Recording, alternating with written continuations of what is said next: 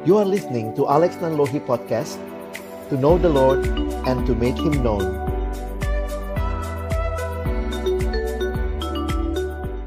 Mari berdoa sebelum kita membaca merenungkan firman Tuhan. Kami datang dalam ucapan syukur kepadamu Tuhan karena sungguh kami bersyukur karena Engkau Allah kami yang hadir dan hidup bagi kami.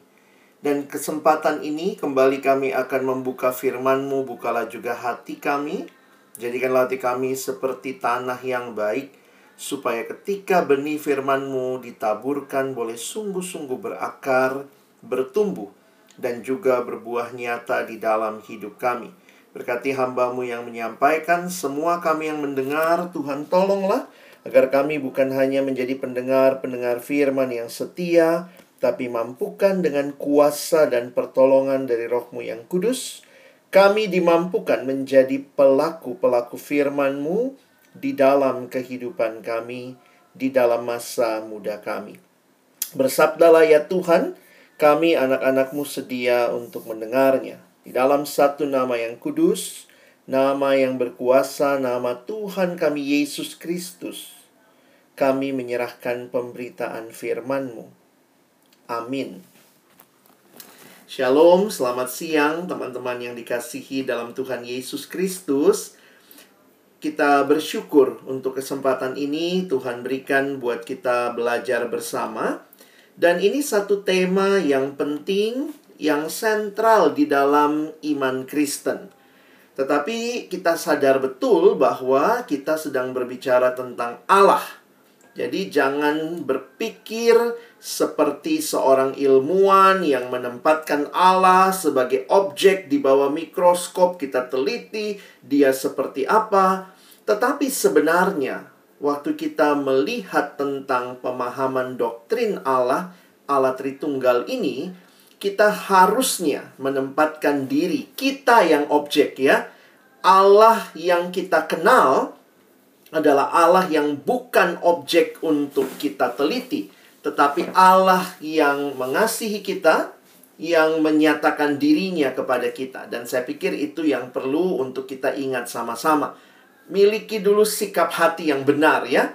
Tentu sesi yang singkat ini tidak bisa membahas seluruhnya secara detail, tetapi saya berharap ini menjadi pengantar buat kita memahami iman kita, ya memahami iman Kristen yang kalau saya ingatkan kepada teman-teman, iman Kristen itu berpusat kepada Allah Tritunggal. Di dalam pengakuan iman rasuli yang kita sebutkan biasanya pada waktu beribadah hari Minggu, maka pengakuan kita berpusat kepada aku percaya kepada Allah, Bapa yang Maha Kuasa dan seterusnya. Lalu kedua, aku percaya kepada Yesus Kristus, anaknya yang tunggal Tuhan kita, dan seterusnya. Dan yang ketiga, aku percaya kepada Roh Kudus. Lalu selanjutnya nanti gereja yang kudus dan am dan seterusnya. Jadi kalau kalian perhatikan sebenarnya pengakuan iman orang Kristen itu berpusat kepada pengakuan Allah Tritunggal. Nah, kita coba lihat sama-sama ya. Bagaimana sebenarnya memahami akan hal ini? Tentu ini tidak sesuatu yang mudah karena sekali lagi ya ingat kita sedang berbicara tentang Allah. Nah, di dalam satu bagian firman Tuhan di dalam Yeremia pasal yang ke-9 ayat 23 sampai 24 Yeremia di dalamnya dikatakan begini. Beginilah firman Tuhan, janganlah orang bijaksana bermegah karena kebijaksanaannya. Janganlah orang kuat bermegah karena kekuatannya. Janganlah orang kaya bermegah karena kekayaannya, tetapi siapa yang mau bermegah, baiklah bermegah karena yang berikut, bahwa ia memahami dan mengenal aku, bahwa akulah Tuhan yang menunjukkan kasih setia, keadilan dan kebenaran di bumi, sungguh semuanya itu kusukai, demikianlah firman Tuhan. Teman-teman, betapa berbahagianya kita yang bisa memahami dan mengenal Allah. Dan perhatikan, di dalam kekristenan kita mengerti bahwa bukan kita yang cukup pintar, pikir-pikir, lalu kemudian akhirnya kita kenal Allah, ya. tetapi pengenalan kita adalah sebatas apa yang Allah nyatakan kepada kita. Jadi teman-teman dan saya mengenal Allah berdasarkan penyataannya bagi kita. Karena itu, kitab suci menjadi bagian penting untuk kita mengenal siapa Allah. Karena di dalam kitab suci Allah menyatakan dirinya. Ya, saya mengutip kalimat tokoh reformasi John Calvin, misalnya dia berkata begini, "True wisdom consists in two things: knowledge of God and knowledge of self." Bahkan menarik sebenarnya makin kita mengenal Allah, sebenarnya kita akan makin mengenal diri kita karena kita dicipta segambar dan serupa dengan Allah. Pemahaman Allah Tritunggal di dalam gereja ini menjadi satu hal yang menarik sekali dan sepanjang sejarah juga sampai hari ini banyak yang mencoba menggoncangnya, mendebatnya. Bahkan muncul ajaran yang ngomongnya Kristen tapi nggak percaya Allah Tritunggal. Makanya sebenarnya di dalam sejarah gereja dituliskan bahwa yang tidak mengenal, tidak mengakui Allah Tritunggal itu disebut sebagai bidat. Oke okay, ya. Jadi bidat di dalam sejarah gereja adalah berpusat kepada apakah dia mengakui Allah Tritunggal atau tidak. Jadi misalnya nanti kita lihat ya, ada beberapa ajaran yang kelihatannya mengakui Allah Tritunggal, tetapi sebenarnya di abad-abad pertama, kedua, itu sudah ditolak karena dianggap sebagai bidat. Ya, nanti kita coba perhatikan. Nah, abang mulai dulu untuk kita memahami bahwa Allah Tritunggal, istilah ini tidak ada di Alkitab. Jadi tidak ada istilah Tritunggal di Alkitab. Istilah Tritunggal pertama kali dipakai oleh Bapak Gereja Tertullianus. Dan gereja, sekali lagi walaupun tidak ada di Alkitab, gereja menggunakan istilah ini dengan makna sesuai dengan Alkitab. Karena apa teman-teman? Karena gereja menyadari bahwa Allah menyatakan diri di dalam sejarah, sepanjang sejarah dinyatakan di dalam Alkitab, dan itu menunjukkan ketritunggalan. Karena itu kalau kalian perhatikan pada waktu itu ini kita bicara sejarah gereja sedikit ya. Jadi kalau belajar alat Tritunggal itu mesti pakai dua pendekatan ya. Belajar sejarah lalu nanti kita lihat kitab suci. Nah, Abang mau mulai dengan sejarah. Nah, kenapa? Kenapa kalian perlu memahami ini? Nah, sedikit saya kasih clue-nya ya bahwa ternyata banyak orang-orang yang menuliskan sejarah yang berbeda karena nggak mau terima alat Tritunggal. Termasuk kalau kalian ngecek ya, saya kalau lihat di Wikipedia, di beberapa uh, Google uh, engine gitu ya, uh, search engine, kadang-kadang menarik sekali begitu kita googling sejarah alat Tritunggal yang keluar sejarah versi, maaf, versinya saksi Yehova dan itu juga versi yang dipegang oleh saudara-saudara kita dari kaum muslim yang mengatakan sebenarnya begini ya kalau ini versi yang biasa dan nanti mungkin kalian akan ketemu di website tuh banyak gitu ya. Allah Tritunggal itu nggak ada di Alkitab makanya dibikin-bikin sama orang Kristen. Nah lalu kemudian mereka mencoba menggoncangnya kasih bukti-bukti sejarah tapi balik lagi ya. Sebenarnya sejarah itu tergantung siapa yang nulis begitu ya Sayangnya buku sejarah terus terbit dengan pendekatan yang justru bisa jadi memutarbalikkan sejarah. Jadi kalau kalian ketemu, ya ini saya kasih tipsnya ya. Kalau kalian ketemu sejarah-sejarah, apalagi teman-teman kita dari kalangan yang berbeda, lalu bilang, nggak benar alat Tritunggalmu.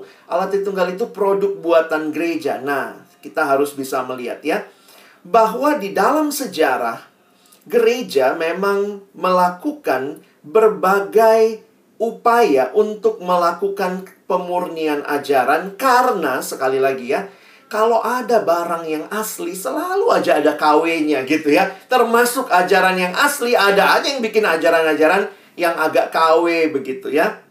Karena itu secara bulat kalau kalian lihat pengakuan iman rasuli Pernah nggak dengar pengakuan iman Nisea Konstantinopel? Nah, kalau punya kidung jemaat di rumah, lihat di belakangnya itu ada pengakuan iman Nisea Konstantinopel. Lalu kalau kalian searching, kalian bisa lihat juga. Kenapa ada pengakuan iman Nisea dan Konstantinopel? Sebenarnya ini adalah dua konsili. Apa sih konsili? Konsili itu adalah rapat gereja. Jadi pada waktu itu, karena ada tantangan ya tentang Yesus ini Tuhan atau bukan. Jadi mereka mempertanyakan yang Tuhan itu Allah Bapa saja Bapa saja yang adalah Allah atau Yesus juga adalah Allah? Lalu Roh Kudus bagaimana? Jadi sebenarnya sepanjang sejarah itu terus jadi perdebatan. Tetapi Alkitab kita jelas, Alkitab tuh menyatakan bahwa Allah Bapa adalah Allah, Yesus adalah Allah, anak adalah Allah. Nah, di dalam gereja mula-mula mereka juga berjuang bagaimana ini? Nah, ketika ada ancaman, misalnya ada yang bilang, enggak, Allah yang Allah itu cuma yang Bapa maka gereja rapat. Itulah konsili. Nah, apa yang dirapatkan? Ternyata hasil rapat itu keluarnya dalam bentuk pengakuan iman. Makanya tadi abang bilang ya, pengakuan iman kita itu bersumber dari sejarah gereja yang di dalamnya gereja meresponi ajaran-ajaran sesat pada zaman itu.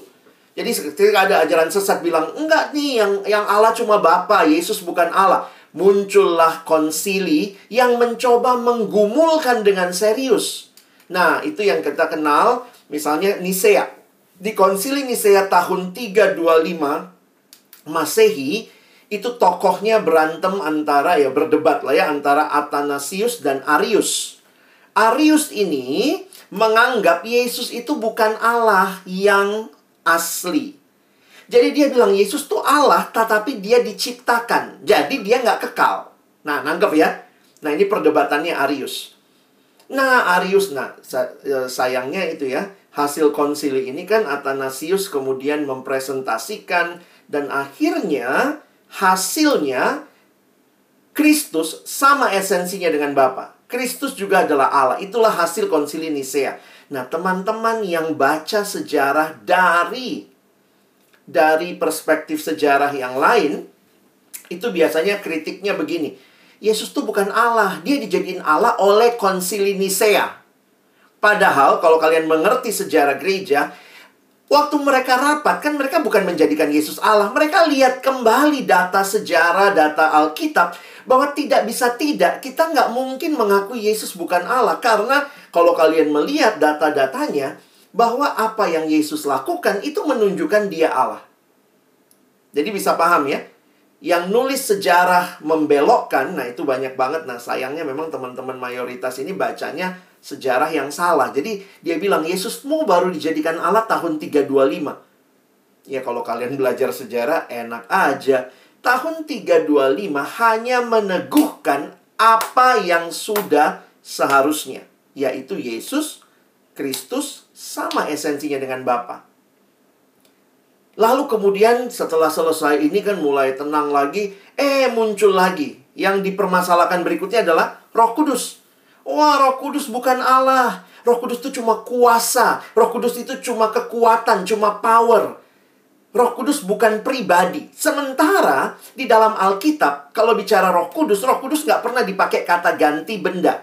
Bukan it. Bukan it ya. Tetapi kata gantinya selalu kata ganti orang begitu ya. Kata ganti pribadi. Berarti Roh Kudus itu bukan sekadar kuasa. Misalnya ini saya Bang Alex ya. Lalu saya punya tenaga. Wah, ini Bang Alex dan tenaganya Bang Alex.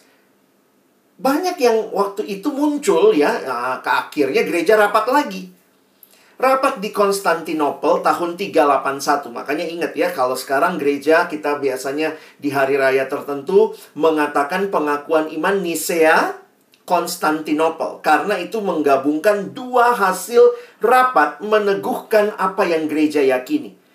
Ya, teman-teman kalau lihat itu tokohnya pada waktu itu adalah sekali lagi Athanasius melawan golongan Macedonia ya. Nah, kalau kalian belajar sejarah nanti bisa cari bahwa golongan Macedonia ini bilangnya begini, Roh Kudus itu bukan Allah tapi ciptaan juga. Jadi sekali lagi ya, di dalam setiap konsili ini memang yang tidak dipermasalahkan tuh Bapa ya. Bapa tuh kayaknya udah diterima lah universal, tapi ketika Yesus 325. Roh Kudus 381. Nah, hasilnya Roh Kudus adalah Allah. Nah, ini yang diputar balikkan oleh teman-teman dengan Wikipedia juga sekarang. Susah juga ya Wikipedia sekarang kan siapa yang masukin ya? Nah, begitu dimasukin dalam sejarah, kalian bisa ketemu beginian bahwa Yesus dijadikan Allah tahun 325. Roh Kudus dijadikan Allah tahun 381. Jadi sebenarnya tidak ada tuh Allah Tritunggal. Itu cara mereka membaca sejarah karena mereka menolak.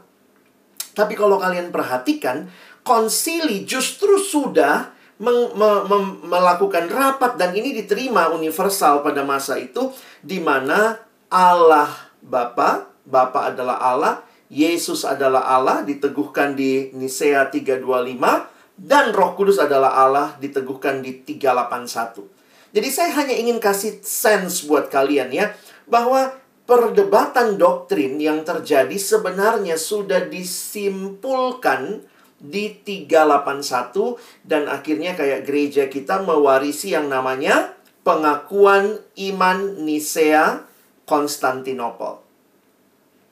Nah, sekarang kita coba lihat versi Alkitabnya ya, dalam arti emangnya di sejarah kayak gitu bang Tapi jangan-jangan beneran mereka bikin Yesus jadi Allah Nah kalian harus rajin baca Alkitab dan lihat di dalam Alkitab Bahwa apa yang diformulasikan di 325 dan 381 itu sumbernya adalah waktu kalian melihat perdebatan Athanasius sama Macedonia, mereka tuh sama-sama berusaha mempertahankan Athanasius menggunakan Alkitab. Begitu ya. Nah, di dalam sejarah memang ini jadi semacam pergumulan karena munculnya itu berbeda-beda ya. Misalnya kalau kita lihat Bapak banyak yang dikaitkan dengan mencipta. Nah, Yesus Kristus anak waktu menebus dan Roh Kudus kemudian kita lihat adalah yang hadir dan membimbing. Nah, di dalam sejarah kita bisa lihat secara umum begini ya, bahwa di dalam masa perjanjian lama seolah-olah itu masanya Bapa. Nah, makanya banyak yang bilang, di mana Yesusnya waktu perjanjian lama? Di mana Roh Kudusnya? Karena Yesus baru kelihatan misalnya di perjanjian baru dan Roh Kudus, uh, Yesus naik ke surga ya. Habis dia naik ke surga, Roh Kudus turun. Nah, lalu kemudian di situlah dibilang memulailah eranya gereja, gereja uh, gereja dan eranya Roh Kudus begitu ya. Jadi sebenarnya di dalam banyak cara pandang, kalau kamu tidak memahami, kita jadi berpikir ini iya benar, Yesus tuh baru dicipta pas PB.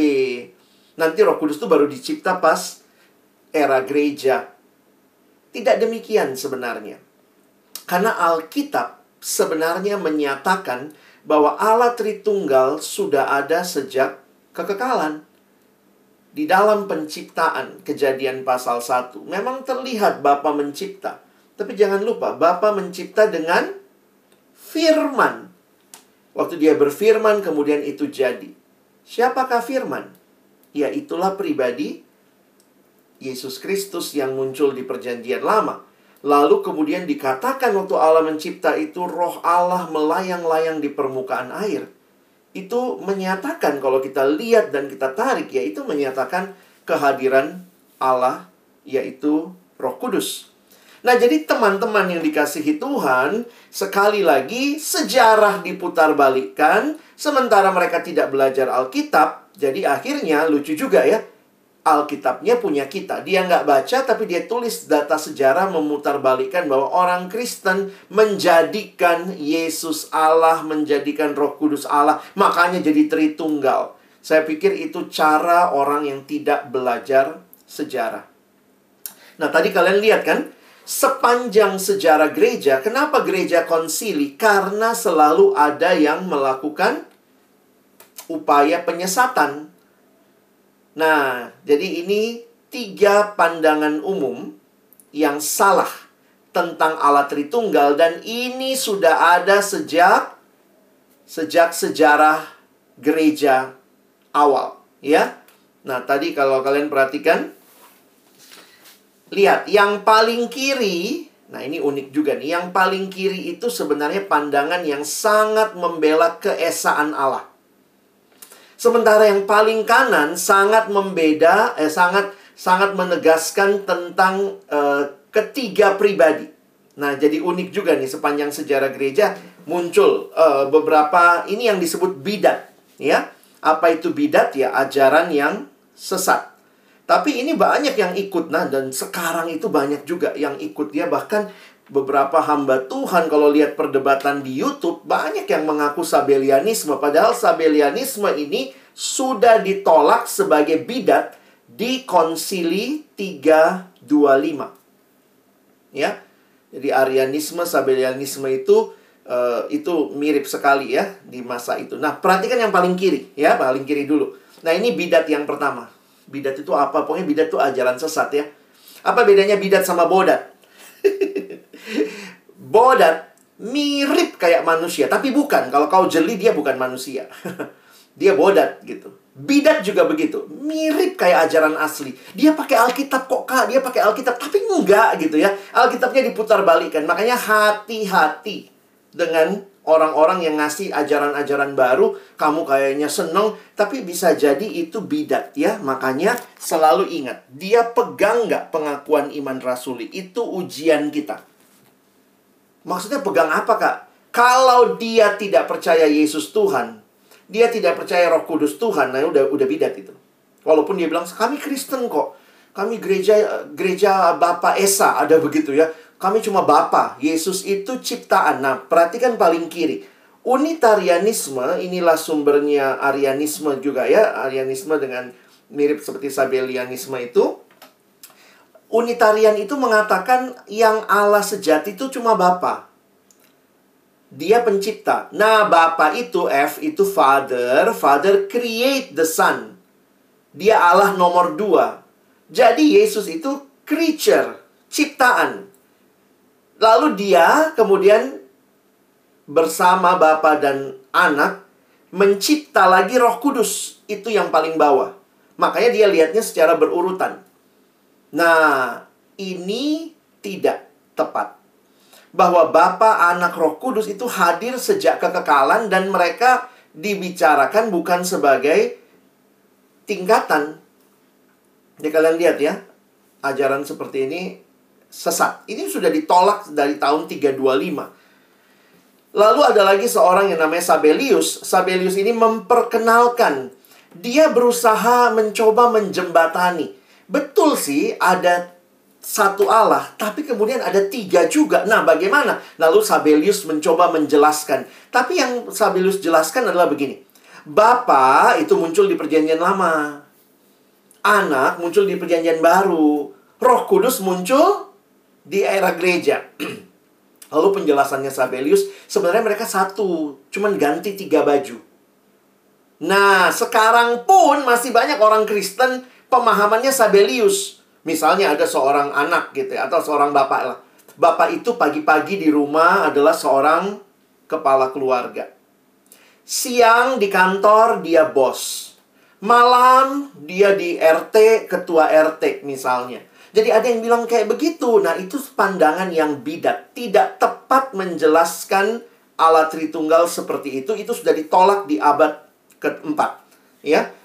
Itu bidat. Ya kalau kamu masih punya pikiran begitu, oh nanti dia uh, ini ya pindah. Karena berarti begini. Sebenarnya kalau begitu, ini pertanyaan sederhana. Siapa yang mati di kayu salib? Bapak yang lagi pakai baju anak. Nah, waktu Yesus datang ke dunia, surga kosong dong. Nah, itu kan cara pandang kalau kita melihat makanya Sabelianisme ini ditolak dan dikatakan bidat karena penjelasannya itu dalam sejarah gereja mereka sering sebut sebagai patripasionism. Patri itu dari kata pater, pater itu berarti bapa. Berarti yang mati di kayu salib bapa dong yang menderita. Makanya patripasionism. Mereka mengatakan tidak benar. Sabelius mengajarkan ajaran yang sesat dan sudah ditolak gereja 325. Sayangnya, sampai hari ini masih banyak orang Kristen menjelaskan Tritunggal pakai Sabelianisme punya ilustrasi. Iya, jadi sebenarnya gini, uh, kayak air H2O. Nanti kadang-kadang bentuknya air, cair, nanti bentuknya uap, nanti bentuknya apa lagi uh, embun begitu ya.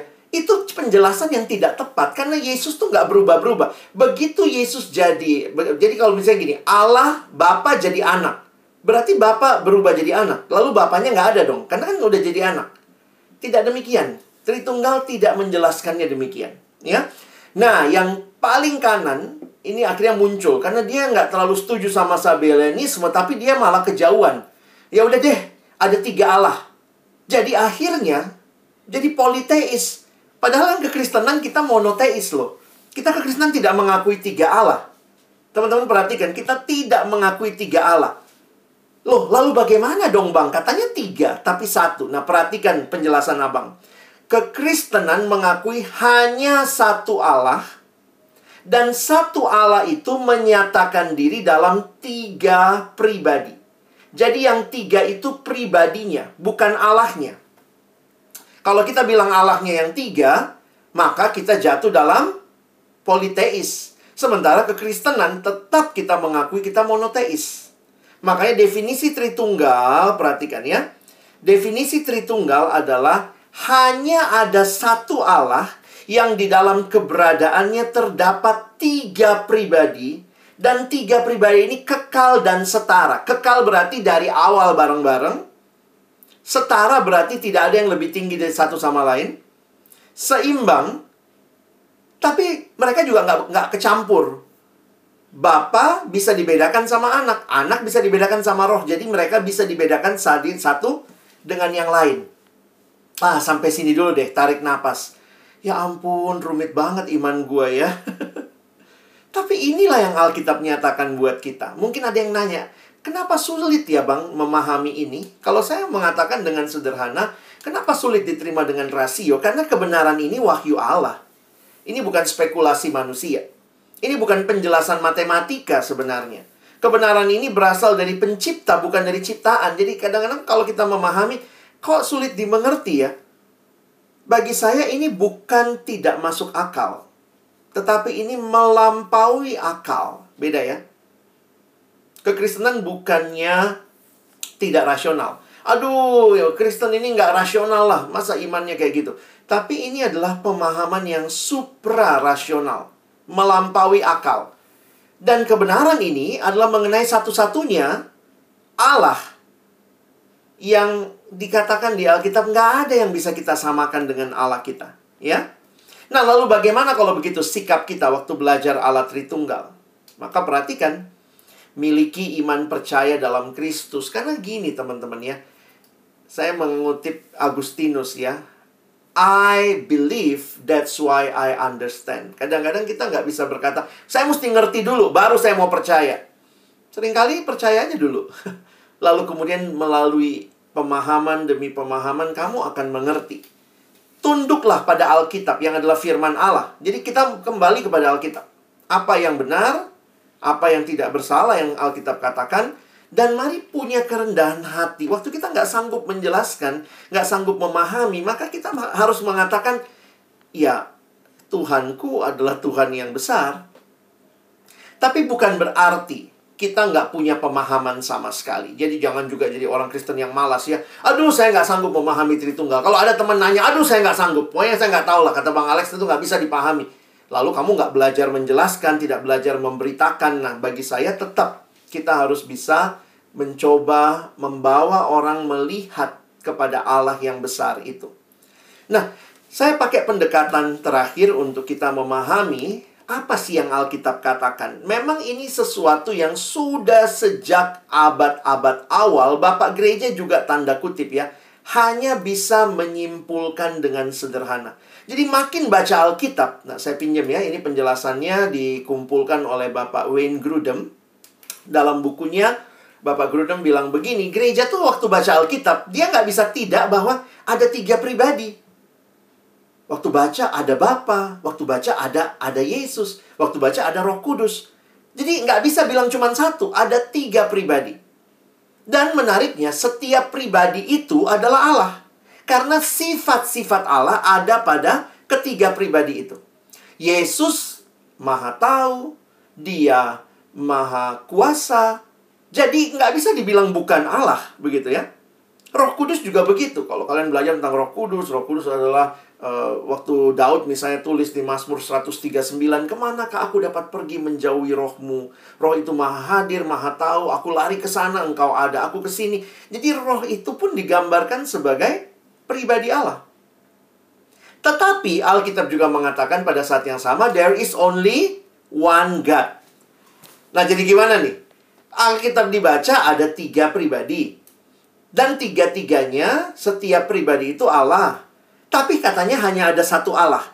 Maka kemudian di abad kelima, bapak-bapak gereja hanya sanggup menyimpulkan sampai kepada gambar ini.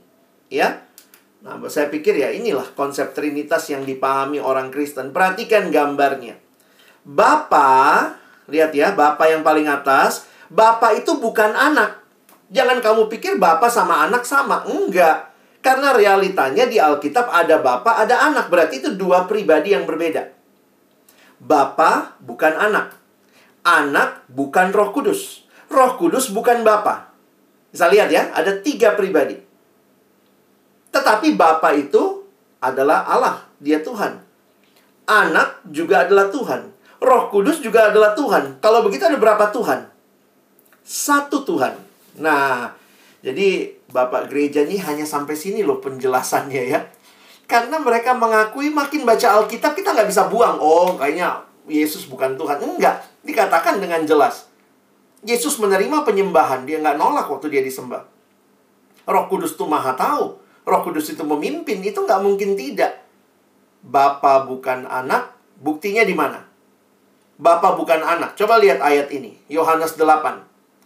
Yesus ngomong, kamu menghakimi menurut ukuran manusia. Aku, Yesus, tidak menghakimi seorang pun. Dan jikalau aku menghakimi, maka penghakimanku itu benar. Sebab aku tidak seorang diri. Tetapi aku bersama dengan dia yang mengutus aku. Kalau Bapa sama dengan anak, Yesus bohong dong. Yesus ngomong, aku tidak seorang diri. Tapi bersama dengan dia. Siapa dia? Bapa. Jadi, dua pribadi beda ya. Ini bukan satu disama-samain ganti baju model Sabelius, nggak bisa. Lalu apa lagi tadi? Anak, anak itu bukan roh kudus. Dari mana taunya? Coba lihat. Ini kisah Rasul 10. Dalam khotbah Petrus di kisah Rasul 10, dia berkata begini, Kamu tahu tentang segala yang terjadi di seluruh tanah Yudea, mulai dari Galilea, sesudah baptisan yang diberitakan oleh Yohanes, yaitu tentang Yesus dari Nazaret bagaimana kamu bagaimana Allah mengurapi dia dengan Roh Kudus. Ingat ya, Petrus itu saksi mata. Jadi ternyata jangan bilang, oh konsep Tritunggal itu baru dibuat gereja tahun 325. Lihat khotbah Petrus. Petrus sendiri sadar betul Yesus bukan roh kudus. Karena dia bilang tentang Yesus, bagaimana Allah Bapa mengurapi dia dengan Roh Kudus. Jadi Petrus sendiri clear loh pemahaman teologinya. Ada tiga pribadi. Nah, bisa paham ya? Jadi kalau orang bilang, oh konsep Tritunggal itu baru di abad keempat. Kamu nggak baca Alkitab kami. Alkitab kami, Petrus orang saksi mata pertama, jelas banget pembedaannya. Bisa aja kan kalau Petrus misalnya, eh, Yesus itu lalu dia jadi roh kudus, lalu dia jadi Bapa. Nggak, Ya, lihat lagi. Roh Kudus bukan Bapa. Di mana ayatnya? Coba lihat Yohanes 14. Yohanes 14 ayat 25. Semuanya ini itu kukatakan kepadamu. Ini Yesus yang ngomong ya. Selagi aku bersama-sama dengan kamu. Tetapi penghibur, langsung dikasih keterangan, yaitu roh kudus. Yang akan diutus oleh Bapa. Jadi roh kudus bukan Bapa. Jangan sembarangan gitu ya. Bilang roh kudus adalah Bapa. Nggak bisa.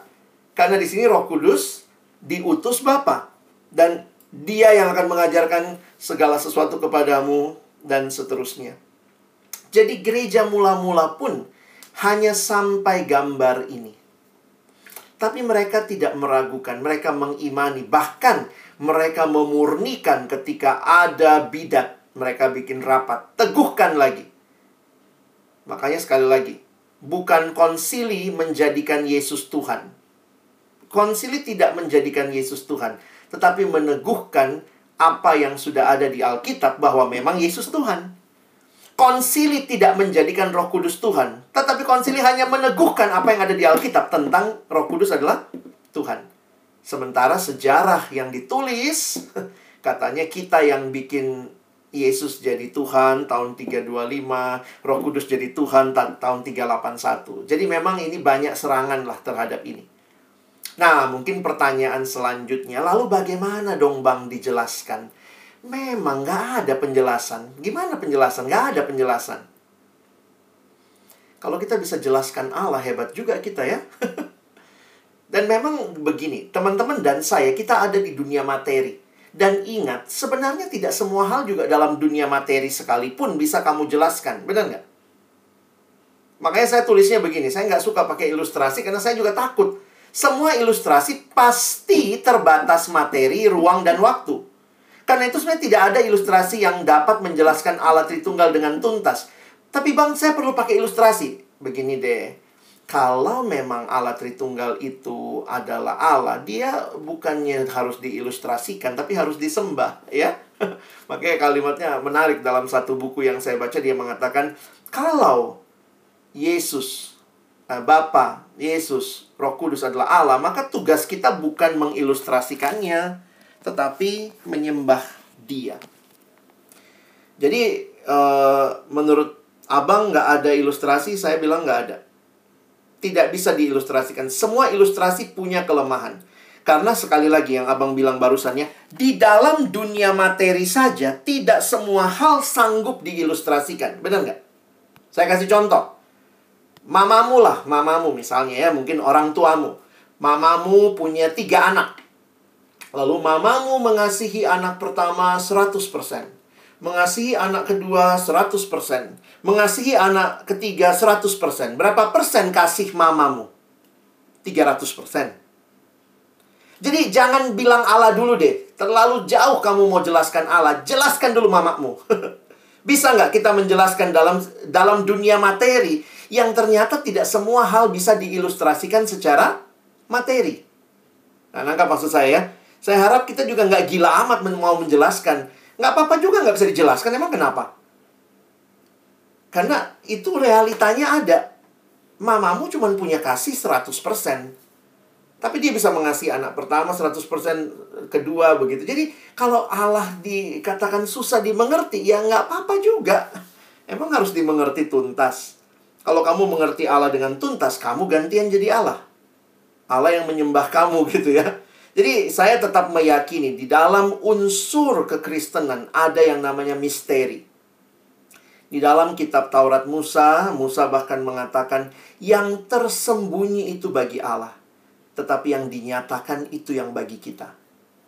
Ya, jadi nggak apa-apa juga. Makanya saya senang dengan kalimat dari Bapak Millard Erickson waktu dia menjelaskan Tritunggal. Wah, tebel banget dia jelasinnya. Tapi dia tutup dengan kalimat ini ya. Kalimatnya menarik. Try to explain it, you will lose your mind. But try to deny it, you will lose your soul. Wow. Ini quote of the day ya. Bukan berarti tidak bisa dijelaskan, tetapi kita tidak sanggup menjelaskan tuntas. Tapi kita tolak, ya sudahlah kalau nggak bisa dijelaskan dia bukan Allah. kita kehilangan jiwa kita. Oke, sebagai penutup, apa sih aplikasinya bang belajar alat Tritunggal? Mungkin kamu nanya dari tadi kayaknya perdebatan inilah bidat ini bidat itu. Sebenarnya apa yang bisa kita praktekkan? Karena semua doktrin, semua kepercayaan itu sebenarnya mempengaruhi kehidupan. Sadar atau tidak? Makanya kalau saya lihat kenapa Bapak Gereja begitu giat ya mempertahankan, bikin konsili. Rapat zaman dulu tuh nggak gampang. Makanya konsili mereka tuh bisa tinggal di satu tempat katanya berbulan-bulan untuk memikirkan kenapa, bagaimana ini Atanasius gimana pandangannya. Arius bagaimana? Akhirnya mereka bilang nggak bisa. Yang lebih alkitabiah Atanasius nih. Kita tolak Arius misalnya. Nah, teman-teman, semua doktrin itu berpengaruh sama hidup. Kau bilang enggak, tapi pasti ada pengaruhnya.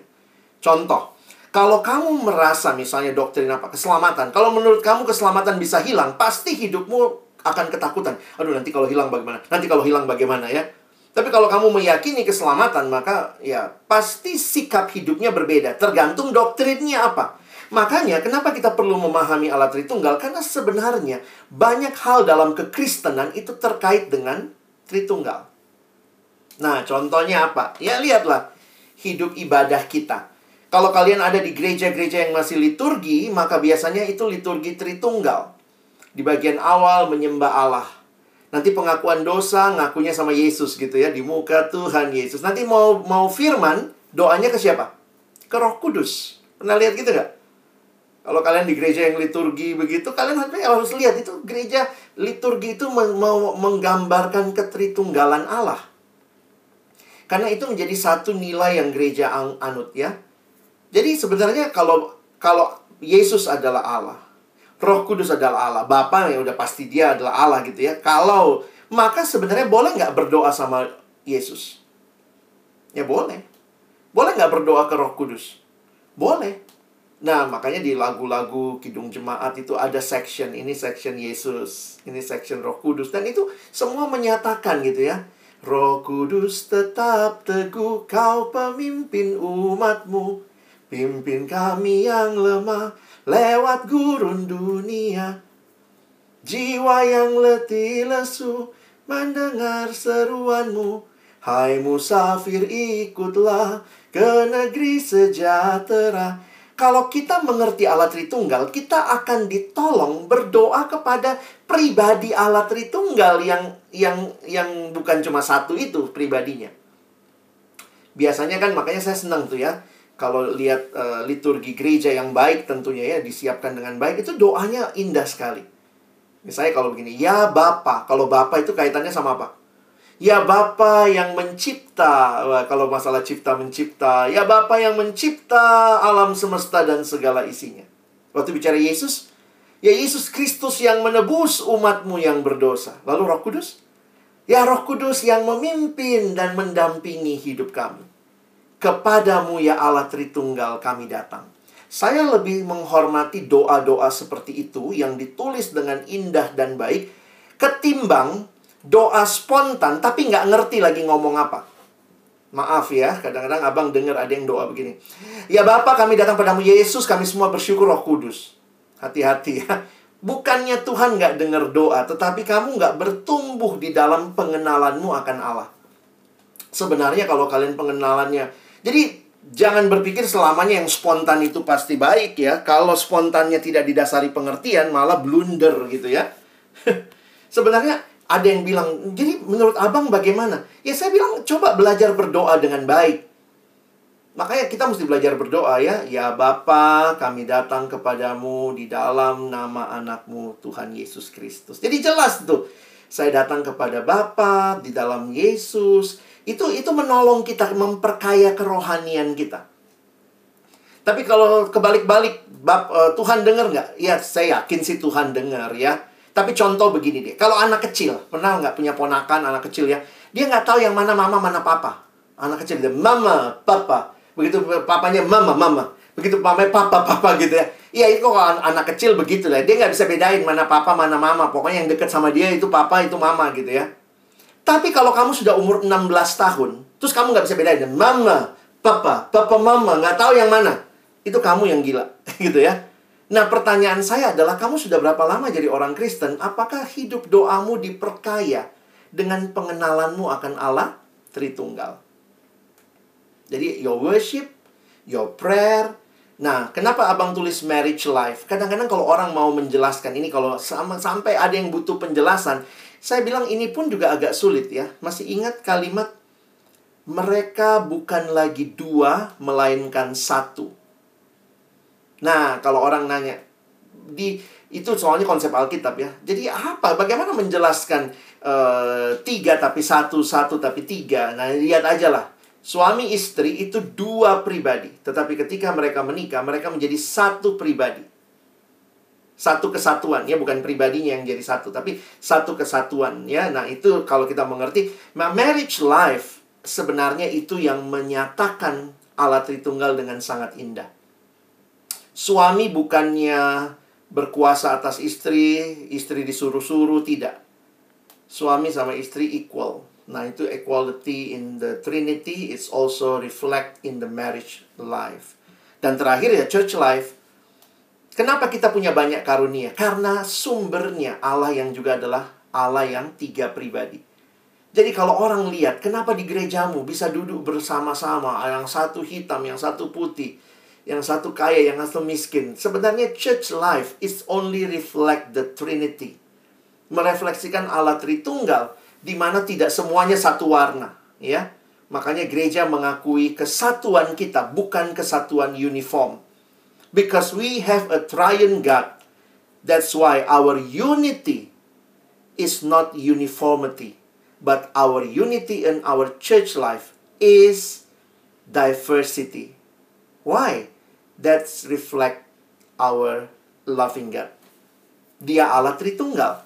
Dia Allah yang Bapa, Anak, Roh Kudus hadir bersama-sama dalam kekekalan. Nah, gereja seperti itu ya.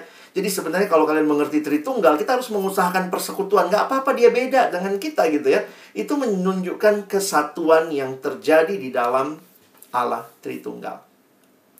Nah, mungkin sebagai bagian terakhir adalah uh, begini ya. Ini ini sedikit refleksi walaupun ini juga bisa jadi apologetika buat kita ya. Ada yang bertanya begini, kalau Allahnya orang Kristen satu Allah tiga pribadi. Berarti bagaimana agama lain? Nah, kita kan paling dekat sama Yahudi dan Muslim. Yahudi dan Muslim percaya satu Allah satu pribadi. Jadi ini kalau kita mau coba, jadi kita bedanya apa bang dengan mereka? Makanya kalau ditanya, sama nggak Allahnya Kristen sama Allahnya Yahudi sama Allahnya uh, Islam? Ya kita harus bisa menjawabnya bahwa itu adalah ya, tapi tidak, ya. Satunya benar, kita percaya satu, tetapi kita meyakini Allah yang satu itu menyatakan diri dalam tiga pribadi. Jadi agama yang lain jadi monoteis kita sama-sama monoteis, tetapi kita percaya kepada tiga pribadi, mereka percaya cuma kepada satu pribadi. Secara apologetika mana yang lebih masuk akal? Ini kita bicara sedikit bagian penutup lah ya. Ini bukan buat debat, cuman maksudnya Abang mau coba buktikan kepada teman-teman bahwa penjelasan Allah Tritunggal itu bagi kita sangat menolong kita memahami pribadi Allah. Saya kasih contoh begini kalau Allah itu maha kasih, bisakah Allah yang cuma satu pribadi, satu Allah, satu pribadi, menyatakan dirinya Allah yang maha kasih? Nah, secara secara uh, filosofikal begini. Ketika dikatakan dia adalah pribadi yang mengasihi, maka selalu butuh objek. Teman-teman, itu menarik ya kalau kita bicara filosofi ya. Kalau kamu dikatakan mengasihi, dibuktikan dari mana? Harus ada objek yang kamu kasihi. Maka pertanyaan filosofisnya adalah begini.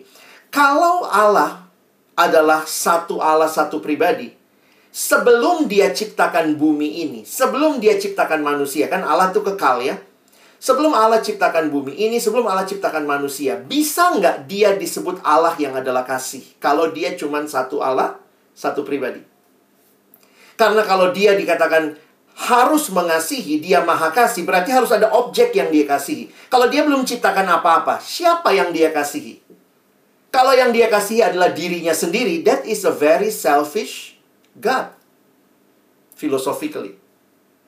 Tetapi, kekristenan justru Allah maha kasih itu sangat logis karena Allah sebelum menciptakan bumi, manusia, dan semua isinya. Dia tetap sejak kekekalan adalah Allah yang kasih. Karena di dalam kekekalan, Bapa mengasihi anak, anak mengasihi roh, roh mengasihi Bapa. Jadi secara pertanyaan, Allah itu kasih, kekristenan lebih bisa dengan logis menjelaskannya. Karena kita percaya satu Allah, tiga pribadi. Dalam kekekalan mereka sudah saling mengasihi. Jadi Allah kita adalah Allah yang maha kasih. Sementara kalau dia satu Allah satu pribadi, hanya ketika dia menciptakan barulah dia bisa disebut Allah yang maha kasih. Nah, bisa lihat perbedaannya ya. Jadi sebenarnya kepercayaan Tritunggal bukan buat-buatan. Tetapi kepercayaan Tritunggal justru menyatakan Allah yang adalah kasih itu. Dan justru itulah yang harus kita perkenalkan kepada saudara-saudara kita. Kiranya Tuhan menolong teman-teman meyakini Allah Tritunggal, dan menghidupi kehidupan yang merefleksikan. Saya kenal Allah Bapa, Allah Anak, Roh Kudus, saya berdoa, saya beribadah. dan kita dalam gereja menjadi kesatuan tubuh Kristus termasuk juga di POFEB ya. Kiranya Tuhan menolong kita kalau ada yang mungkin masih ingin nanya atau apa silakan nanti bisa kontak Abang. Kita bisa diskusi tentang hal itu ya. Mari kita berdoa. Tuhan terima kasih banyak kami sudah mendengar firman-Mu setiap pemaparan menolong kami memahami iman kami yang berpusat kepada Allah Tritunggal. Ini bukan buatan manusia tetapi penyataan diri Allah dan terima kasih melalui firman Tuhan kitab suci melalui sejarah gereja kami akhirnya melihat bagaimana Allah Tritunggal menjadi satu pengakuan yang sampai hari ini gereja-gereja kami masih mengakuinya. Kiranya kehadiranmu ya Tuhan menolong kami untuk terus bertumbuh mengenal Engkau dan itu adalah kebahagiaan hidup yang sejati. Terima kasih kami bersyukur menutup sesi ini dalam nama Yesus kami berdoa. Amin.